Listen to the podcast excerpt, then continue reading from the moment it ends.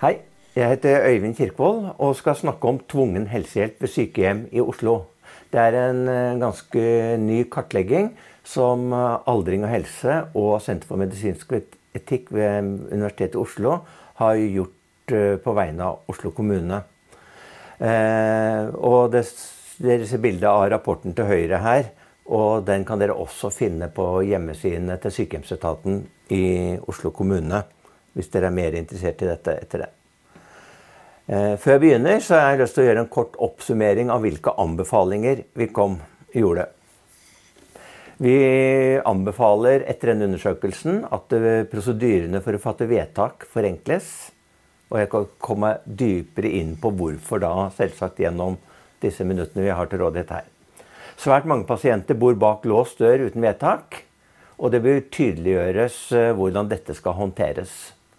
Eh, det er også viktig med åpenhet rundt både det med tvungen helsehjelp, men også mot, om rundt det med utelatt helsehjelp. At en lar være å gjøre det en mener er nødvendig. Jeg skal også snakke mer om det. Eh, og det er også behov for kompetanseheving på flere nivå. Og personalet eh, fremhevet spesielt at de syntes det med samtykkekompetansevurdering var vanskelig. Og når det er vanskelige situasjoner, så er det viktig å ha rom og mulighet til å kunne reflektere rundt det. Både etisk refleksjon, som det står her, men også ha mulighet til å ha refleksjoner hvordan en kan finne gode løsninger. På både praktisk og etisk og juridisk. Eh, men før jeg går inn i, eh, i materien her, så har jeg lyst til å si litt om bakgrunnen for dette. Eh, sykehjemsetaten i Oslo de har siden 2014 ført statistikk over vedtak om tvungen helsehjelp i sine sykehjem. Eh, og de har også sett på rapporter fra tilsynsmyndighetene, sånn som Statsforvalteren og andre som har gjort tilsyn, Sivilombudsmann. Eh, og ser at det Og også sett på tidligere forskning som er gjort, og ser at det er sannsynligvis underrapportert. Eh, det med tvungen helsehjelp i sykehjemmene. Eh, og det er heller ikke gjort noen skikkelige undersøkelser av større omfang siden eh, på over 20 år siden. Og det gjør at det er vanskelig å vite hvordan bildet egentlig er. Det er heller ikke gjort noen større undersøkelser etter etter innføring av kapittel 4a i pasient- og brukerrettighetsloven, som da kom i 2009. Det betyr at det ikke finnes tilstrekkelig kunnskapsgrunnlag eh, om den reelle tvangsbruken i norske sykehjem generelt, men spesielt da var Oslo kommune opptatt av hvordan det var i Oslo. Og de ønsker da mer kunnskap, eller ønsket mer kunnskap om dette og lyste ut da en uh, konkurranse om å komme med gode forslag hvordan dette kan kartlegges. De ønsket også i tillegg å få mer kunnskap om ikke bare om forekomst og hvor mye, men om hvorfor det er sånn, og særlig hva som skal til for at uh, selvsagt tvang som ikke skal brukes, ikke blir brukt, men også at den nødvendige tvangen får god dokumentasjon og blir gjort etter vedtak, slik som loven krever. Og Derfor var det også behov for å gjøre en kvalitativ studie. Eh, Senter for medisinsk etikk ved Universitetet i Oslo og Aldring og helse eh, vi slås dermed sammen og kom med et tilbud til Oslo kommune, som vi da fikk. Som gjorde at denne, vi gjennomførte denne studien. Aldring og helse sto for den kvantitative delen, dvs. Si det å telle hvor mye og hvor ofte osv. Mens Senter for medisinsk etikk fikk den kvalitative delen. Jeg skal derfor snakke hovedsakelig om den kvantitative delen men skal skule litt over på hva som ble gjort i den kvalitative delen. Eh, deltakerne eh, i den kvantitative eh, kartleggingen eh, det var da 506 pasienter fra 24 sykehjemsavdelinger som eh, er kartlagt, og 24 forskjellige sykehjem. Det er 39 eh, institusjoner, sykehjemsinstitusjoner i Oslo. Noen er helsehus, Eh, noen hadde vært med på piloten for å prøve ut verktøyene. Noen hadde nettopp hatt tilsyn fra, stats, nei, fra Sivilombudsmann, som gjorde at alle ble inkludert. Så det var 27 som ble inkludert. Og av forskjellige grunner så klarte vi ikke å få gjennomført innen tidsrammen for mer enn 24 sykehjem. Eh, vi skilte mellom skjerma enheter og vanlige somatiske enheter. Og i denne presentasjonen her så er skjerma enheter de er veldig overrepresenterte. Det var 277 eh, pasienter, altså 57 fra skjerma enheter eller forsterka skjerma enheter. Og det var 229 fra langtidsordinære. Og det er jo skeivt, fordi 25% av plassene er på skjermenheter, mens 75% er på somatiske. Og her var det jo da 45 fra somatiske, 45 og 57% fra skjerma. Og det gjør at eh, når vi skal se på resultatene, så må vi vekte det. For det er veldig forskjell i resultatene fra disse avdelingstypene. Men det skal jeg prøve å, å peke på etter hvert. Eh, dette bildet her, det viser datainnsamlingen. Og datainnsamlingen var slik at når vi kom den kvantitative, når vi kom på sykehjemmene, så satte vi ned sammen med personalet på avdelingen. Alt personalet på morgenen når vi begynte.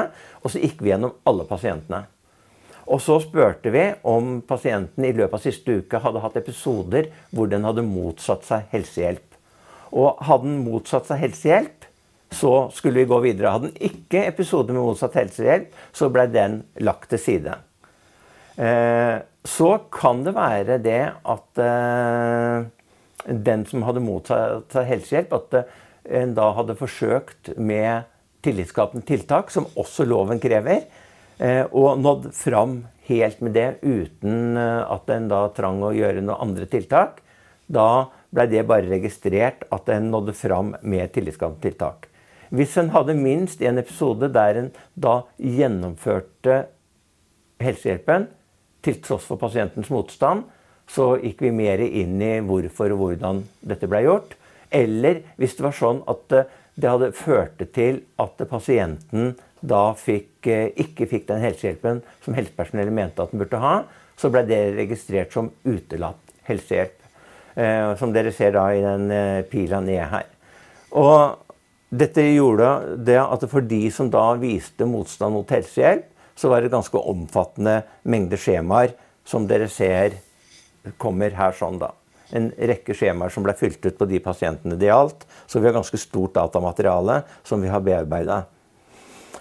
Ja, det bildet her det er da altså hovedfunnene i den kvantitative studien. Det er andel av pasienter med tvungen helsehjelp eller utelatt helsehjelp, og om de har vedtak eller ikke, og om de gjør motstand eller ikke. Og som dere ser her, på den andre linja, så er det i vårt materiale, der det står total, så er det 41% av pasientene som motsetter seg helsehjelpen minst én gang i uka.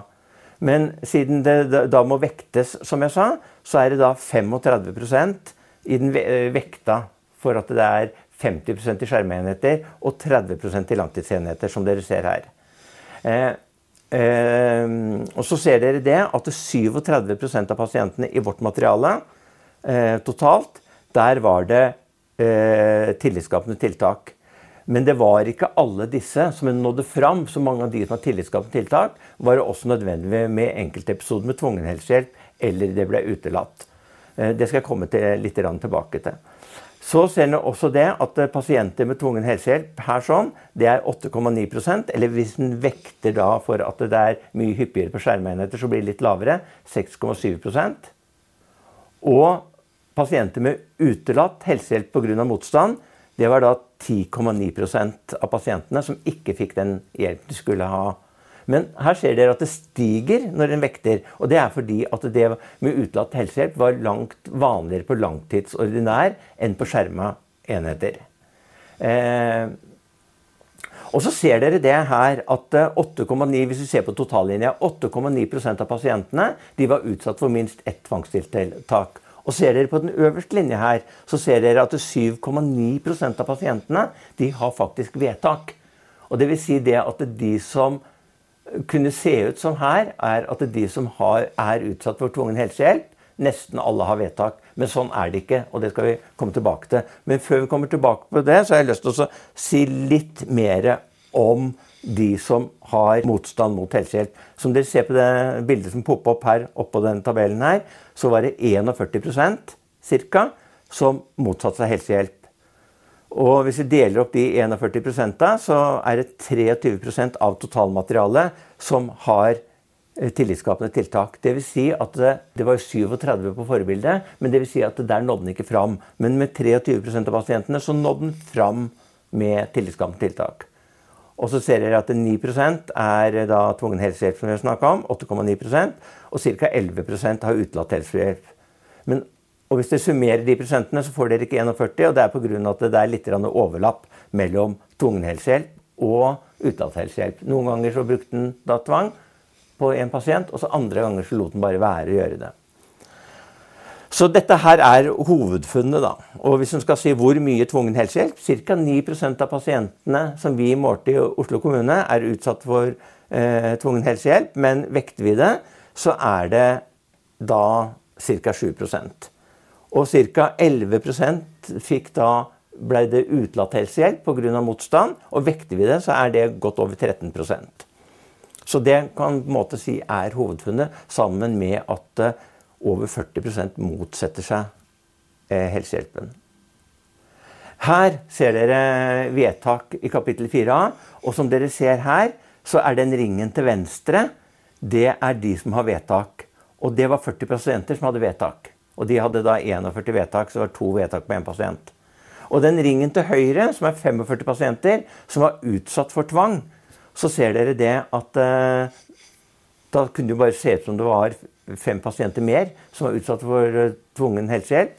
Men dere ser her at de overlapper ikke. De overlapper med 19 pasienter. Dvs. Si at under halvparten av de pasientene som hadde vedtak, var ikke utsatt for tvungen helsehjelp i løpet av siste uke kan godt hende at det er et vedtak som henger igjen.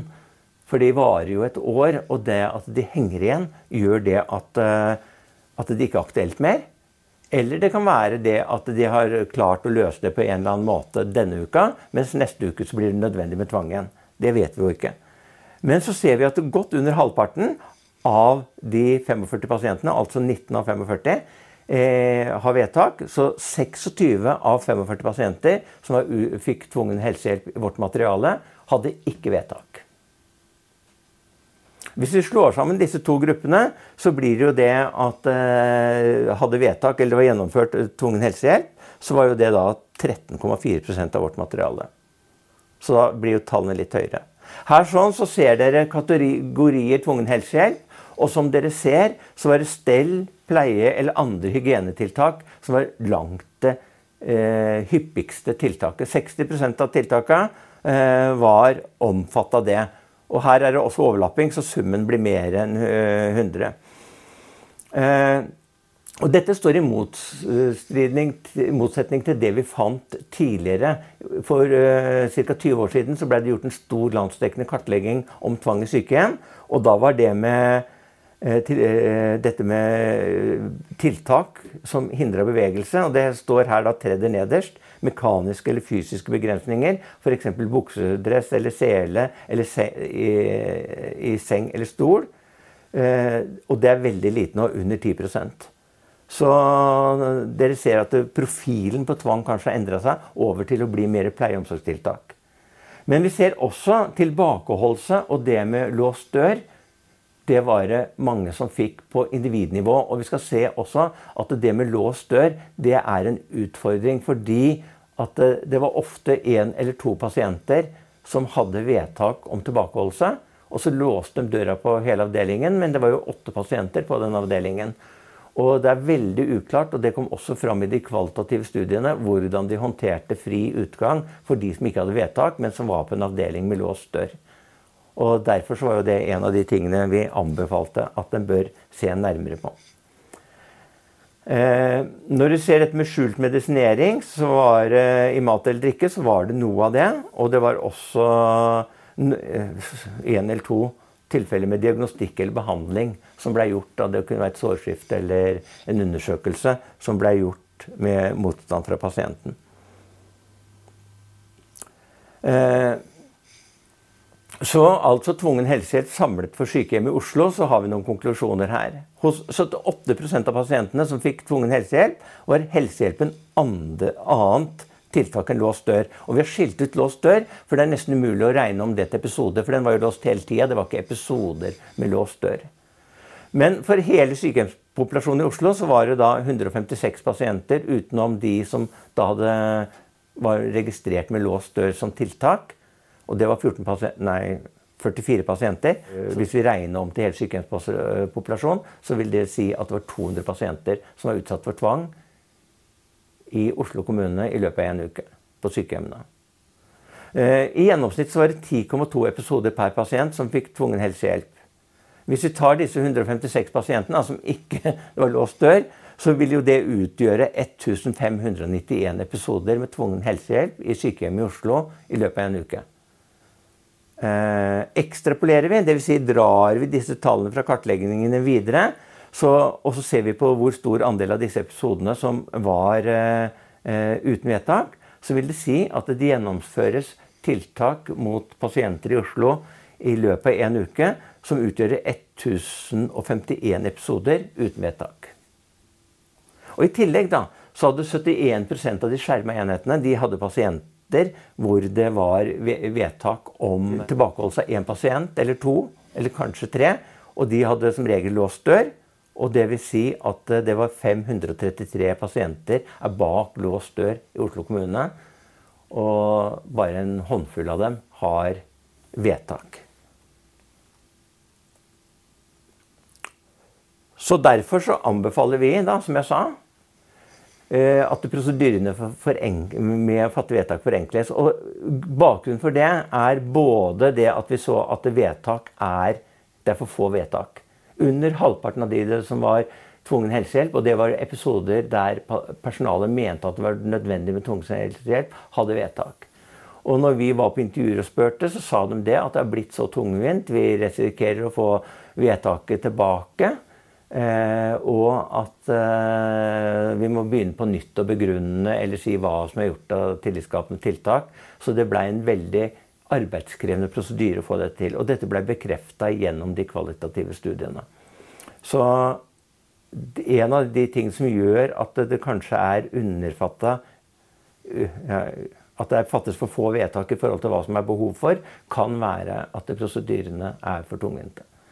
Og det er jo ikke kommunen som bestemmer disse prosedyrene. Det er jo ja, En kan si det er loven som bestemmer det, men det er jo hvordan da statsforvalteren og tilsynsmyndighetene fortolker loven. Så jeg tenker jo at det må gå an å lage litt bedre prosedyrer og enklere måte å gjøre det på, som allikevel kvalitetssikrer at det gjøres på riktig måte innenfor gjeldende lov. Eh, og som vi også har sagt nå flere ganger, så var en av utfordringene er at svært mange pasienter er bak låst dør uten vedtak. Over 500 pasienter i Oslo er bak låst dør uten vedtak. Og det er helt tydelig at uh, det ikke er klare rutiner for hvordan man skal håndtere fri utgang for disse pasientene. Det kan være noen steder at de mener at det er gode rutiner, og andre steder så er det uh, en reell innelåsing. Og de må i hvert fall ha hjelp for å komme ut, og den hjelpen er jo da ikke tilgjengelig hele tiden. Eh, det vi ser, er jo også at personalet var eh, veldig lett å snakke om dette. Det var, eh, det var ikke noe vanskelig å få dem til å begynne å snakke om dette. At dette var ting personalet var opptatt av. Særlig det med tillitsskapende tiltak. Dette gjaldt både den kvantitative og kvalitative delen av studien. Eh, men de sa at veldig mange av disse episodene var vanskelig. Eh, det var vanskelige vurderinger, det var vanskelig å vite hva de egentlig skulle gjøre. Og det var også vanskelig å, å vite om personen egentlig var samtykkekompetent eller ikke. Og vi ser jo også at eh, det er forskjell hvordan en løser det på skjermenheter. Der har en flere vedtak, og det ender oftere med tvang. Mens på somatiske enheter så har en nesten ikke vedtak. Og det ender ofte med at en lar være å gjøre det en mente en burde ha gjort. Utelatt helsehjelp. Eh, og det kan være at de somatiske enhetene har noe å lære av de skjerma enhetene. Eh, kompetanseheving på flere nivå er derfor viktig.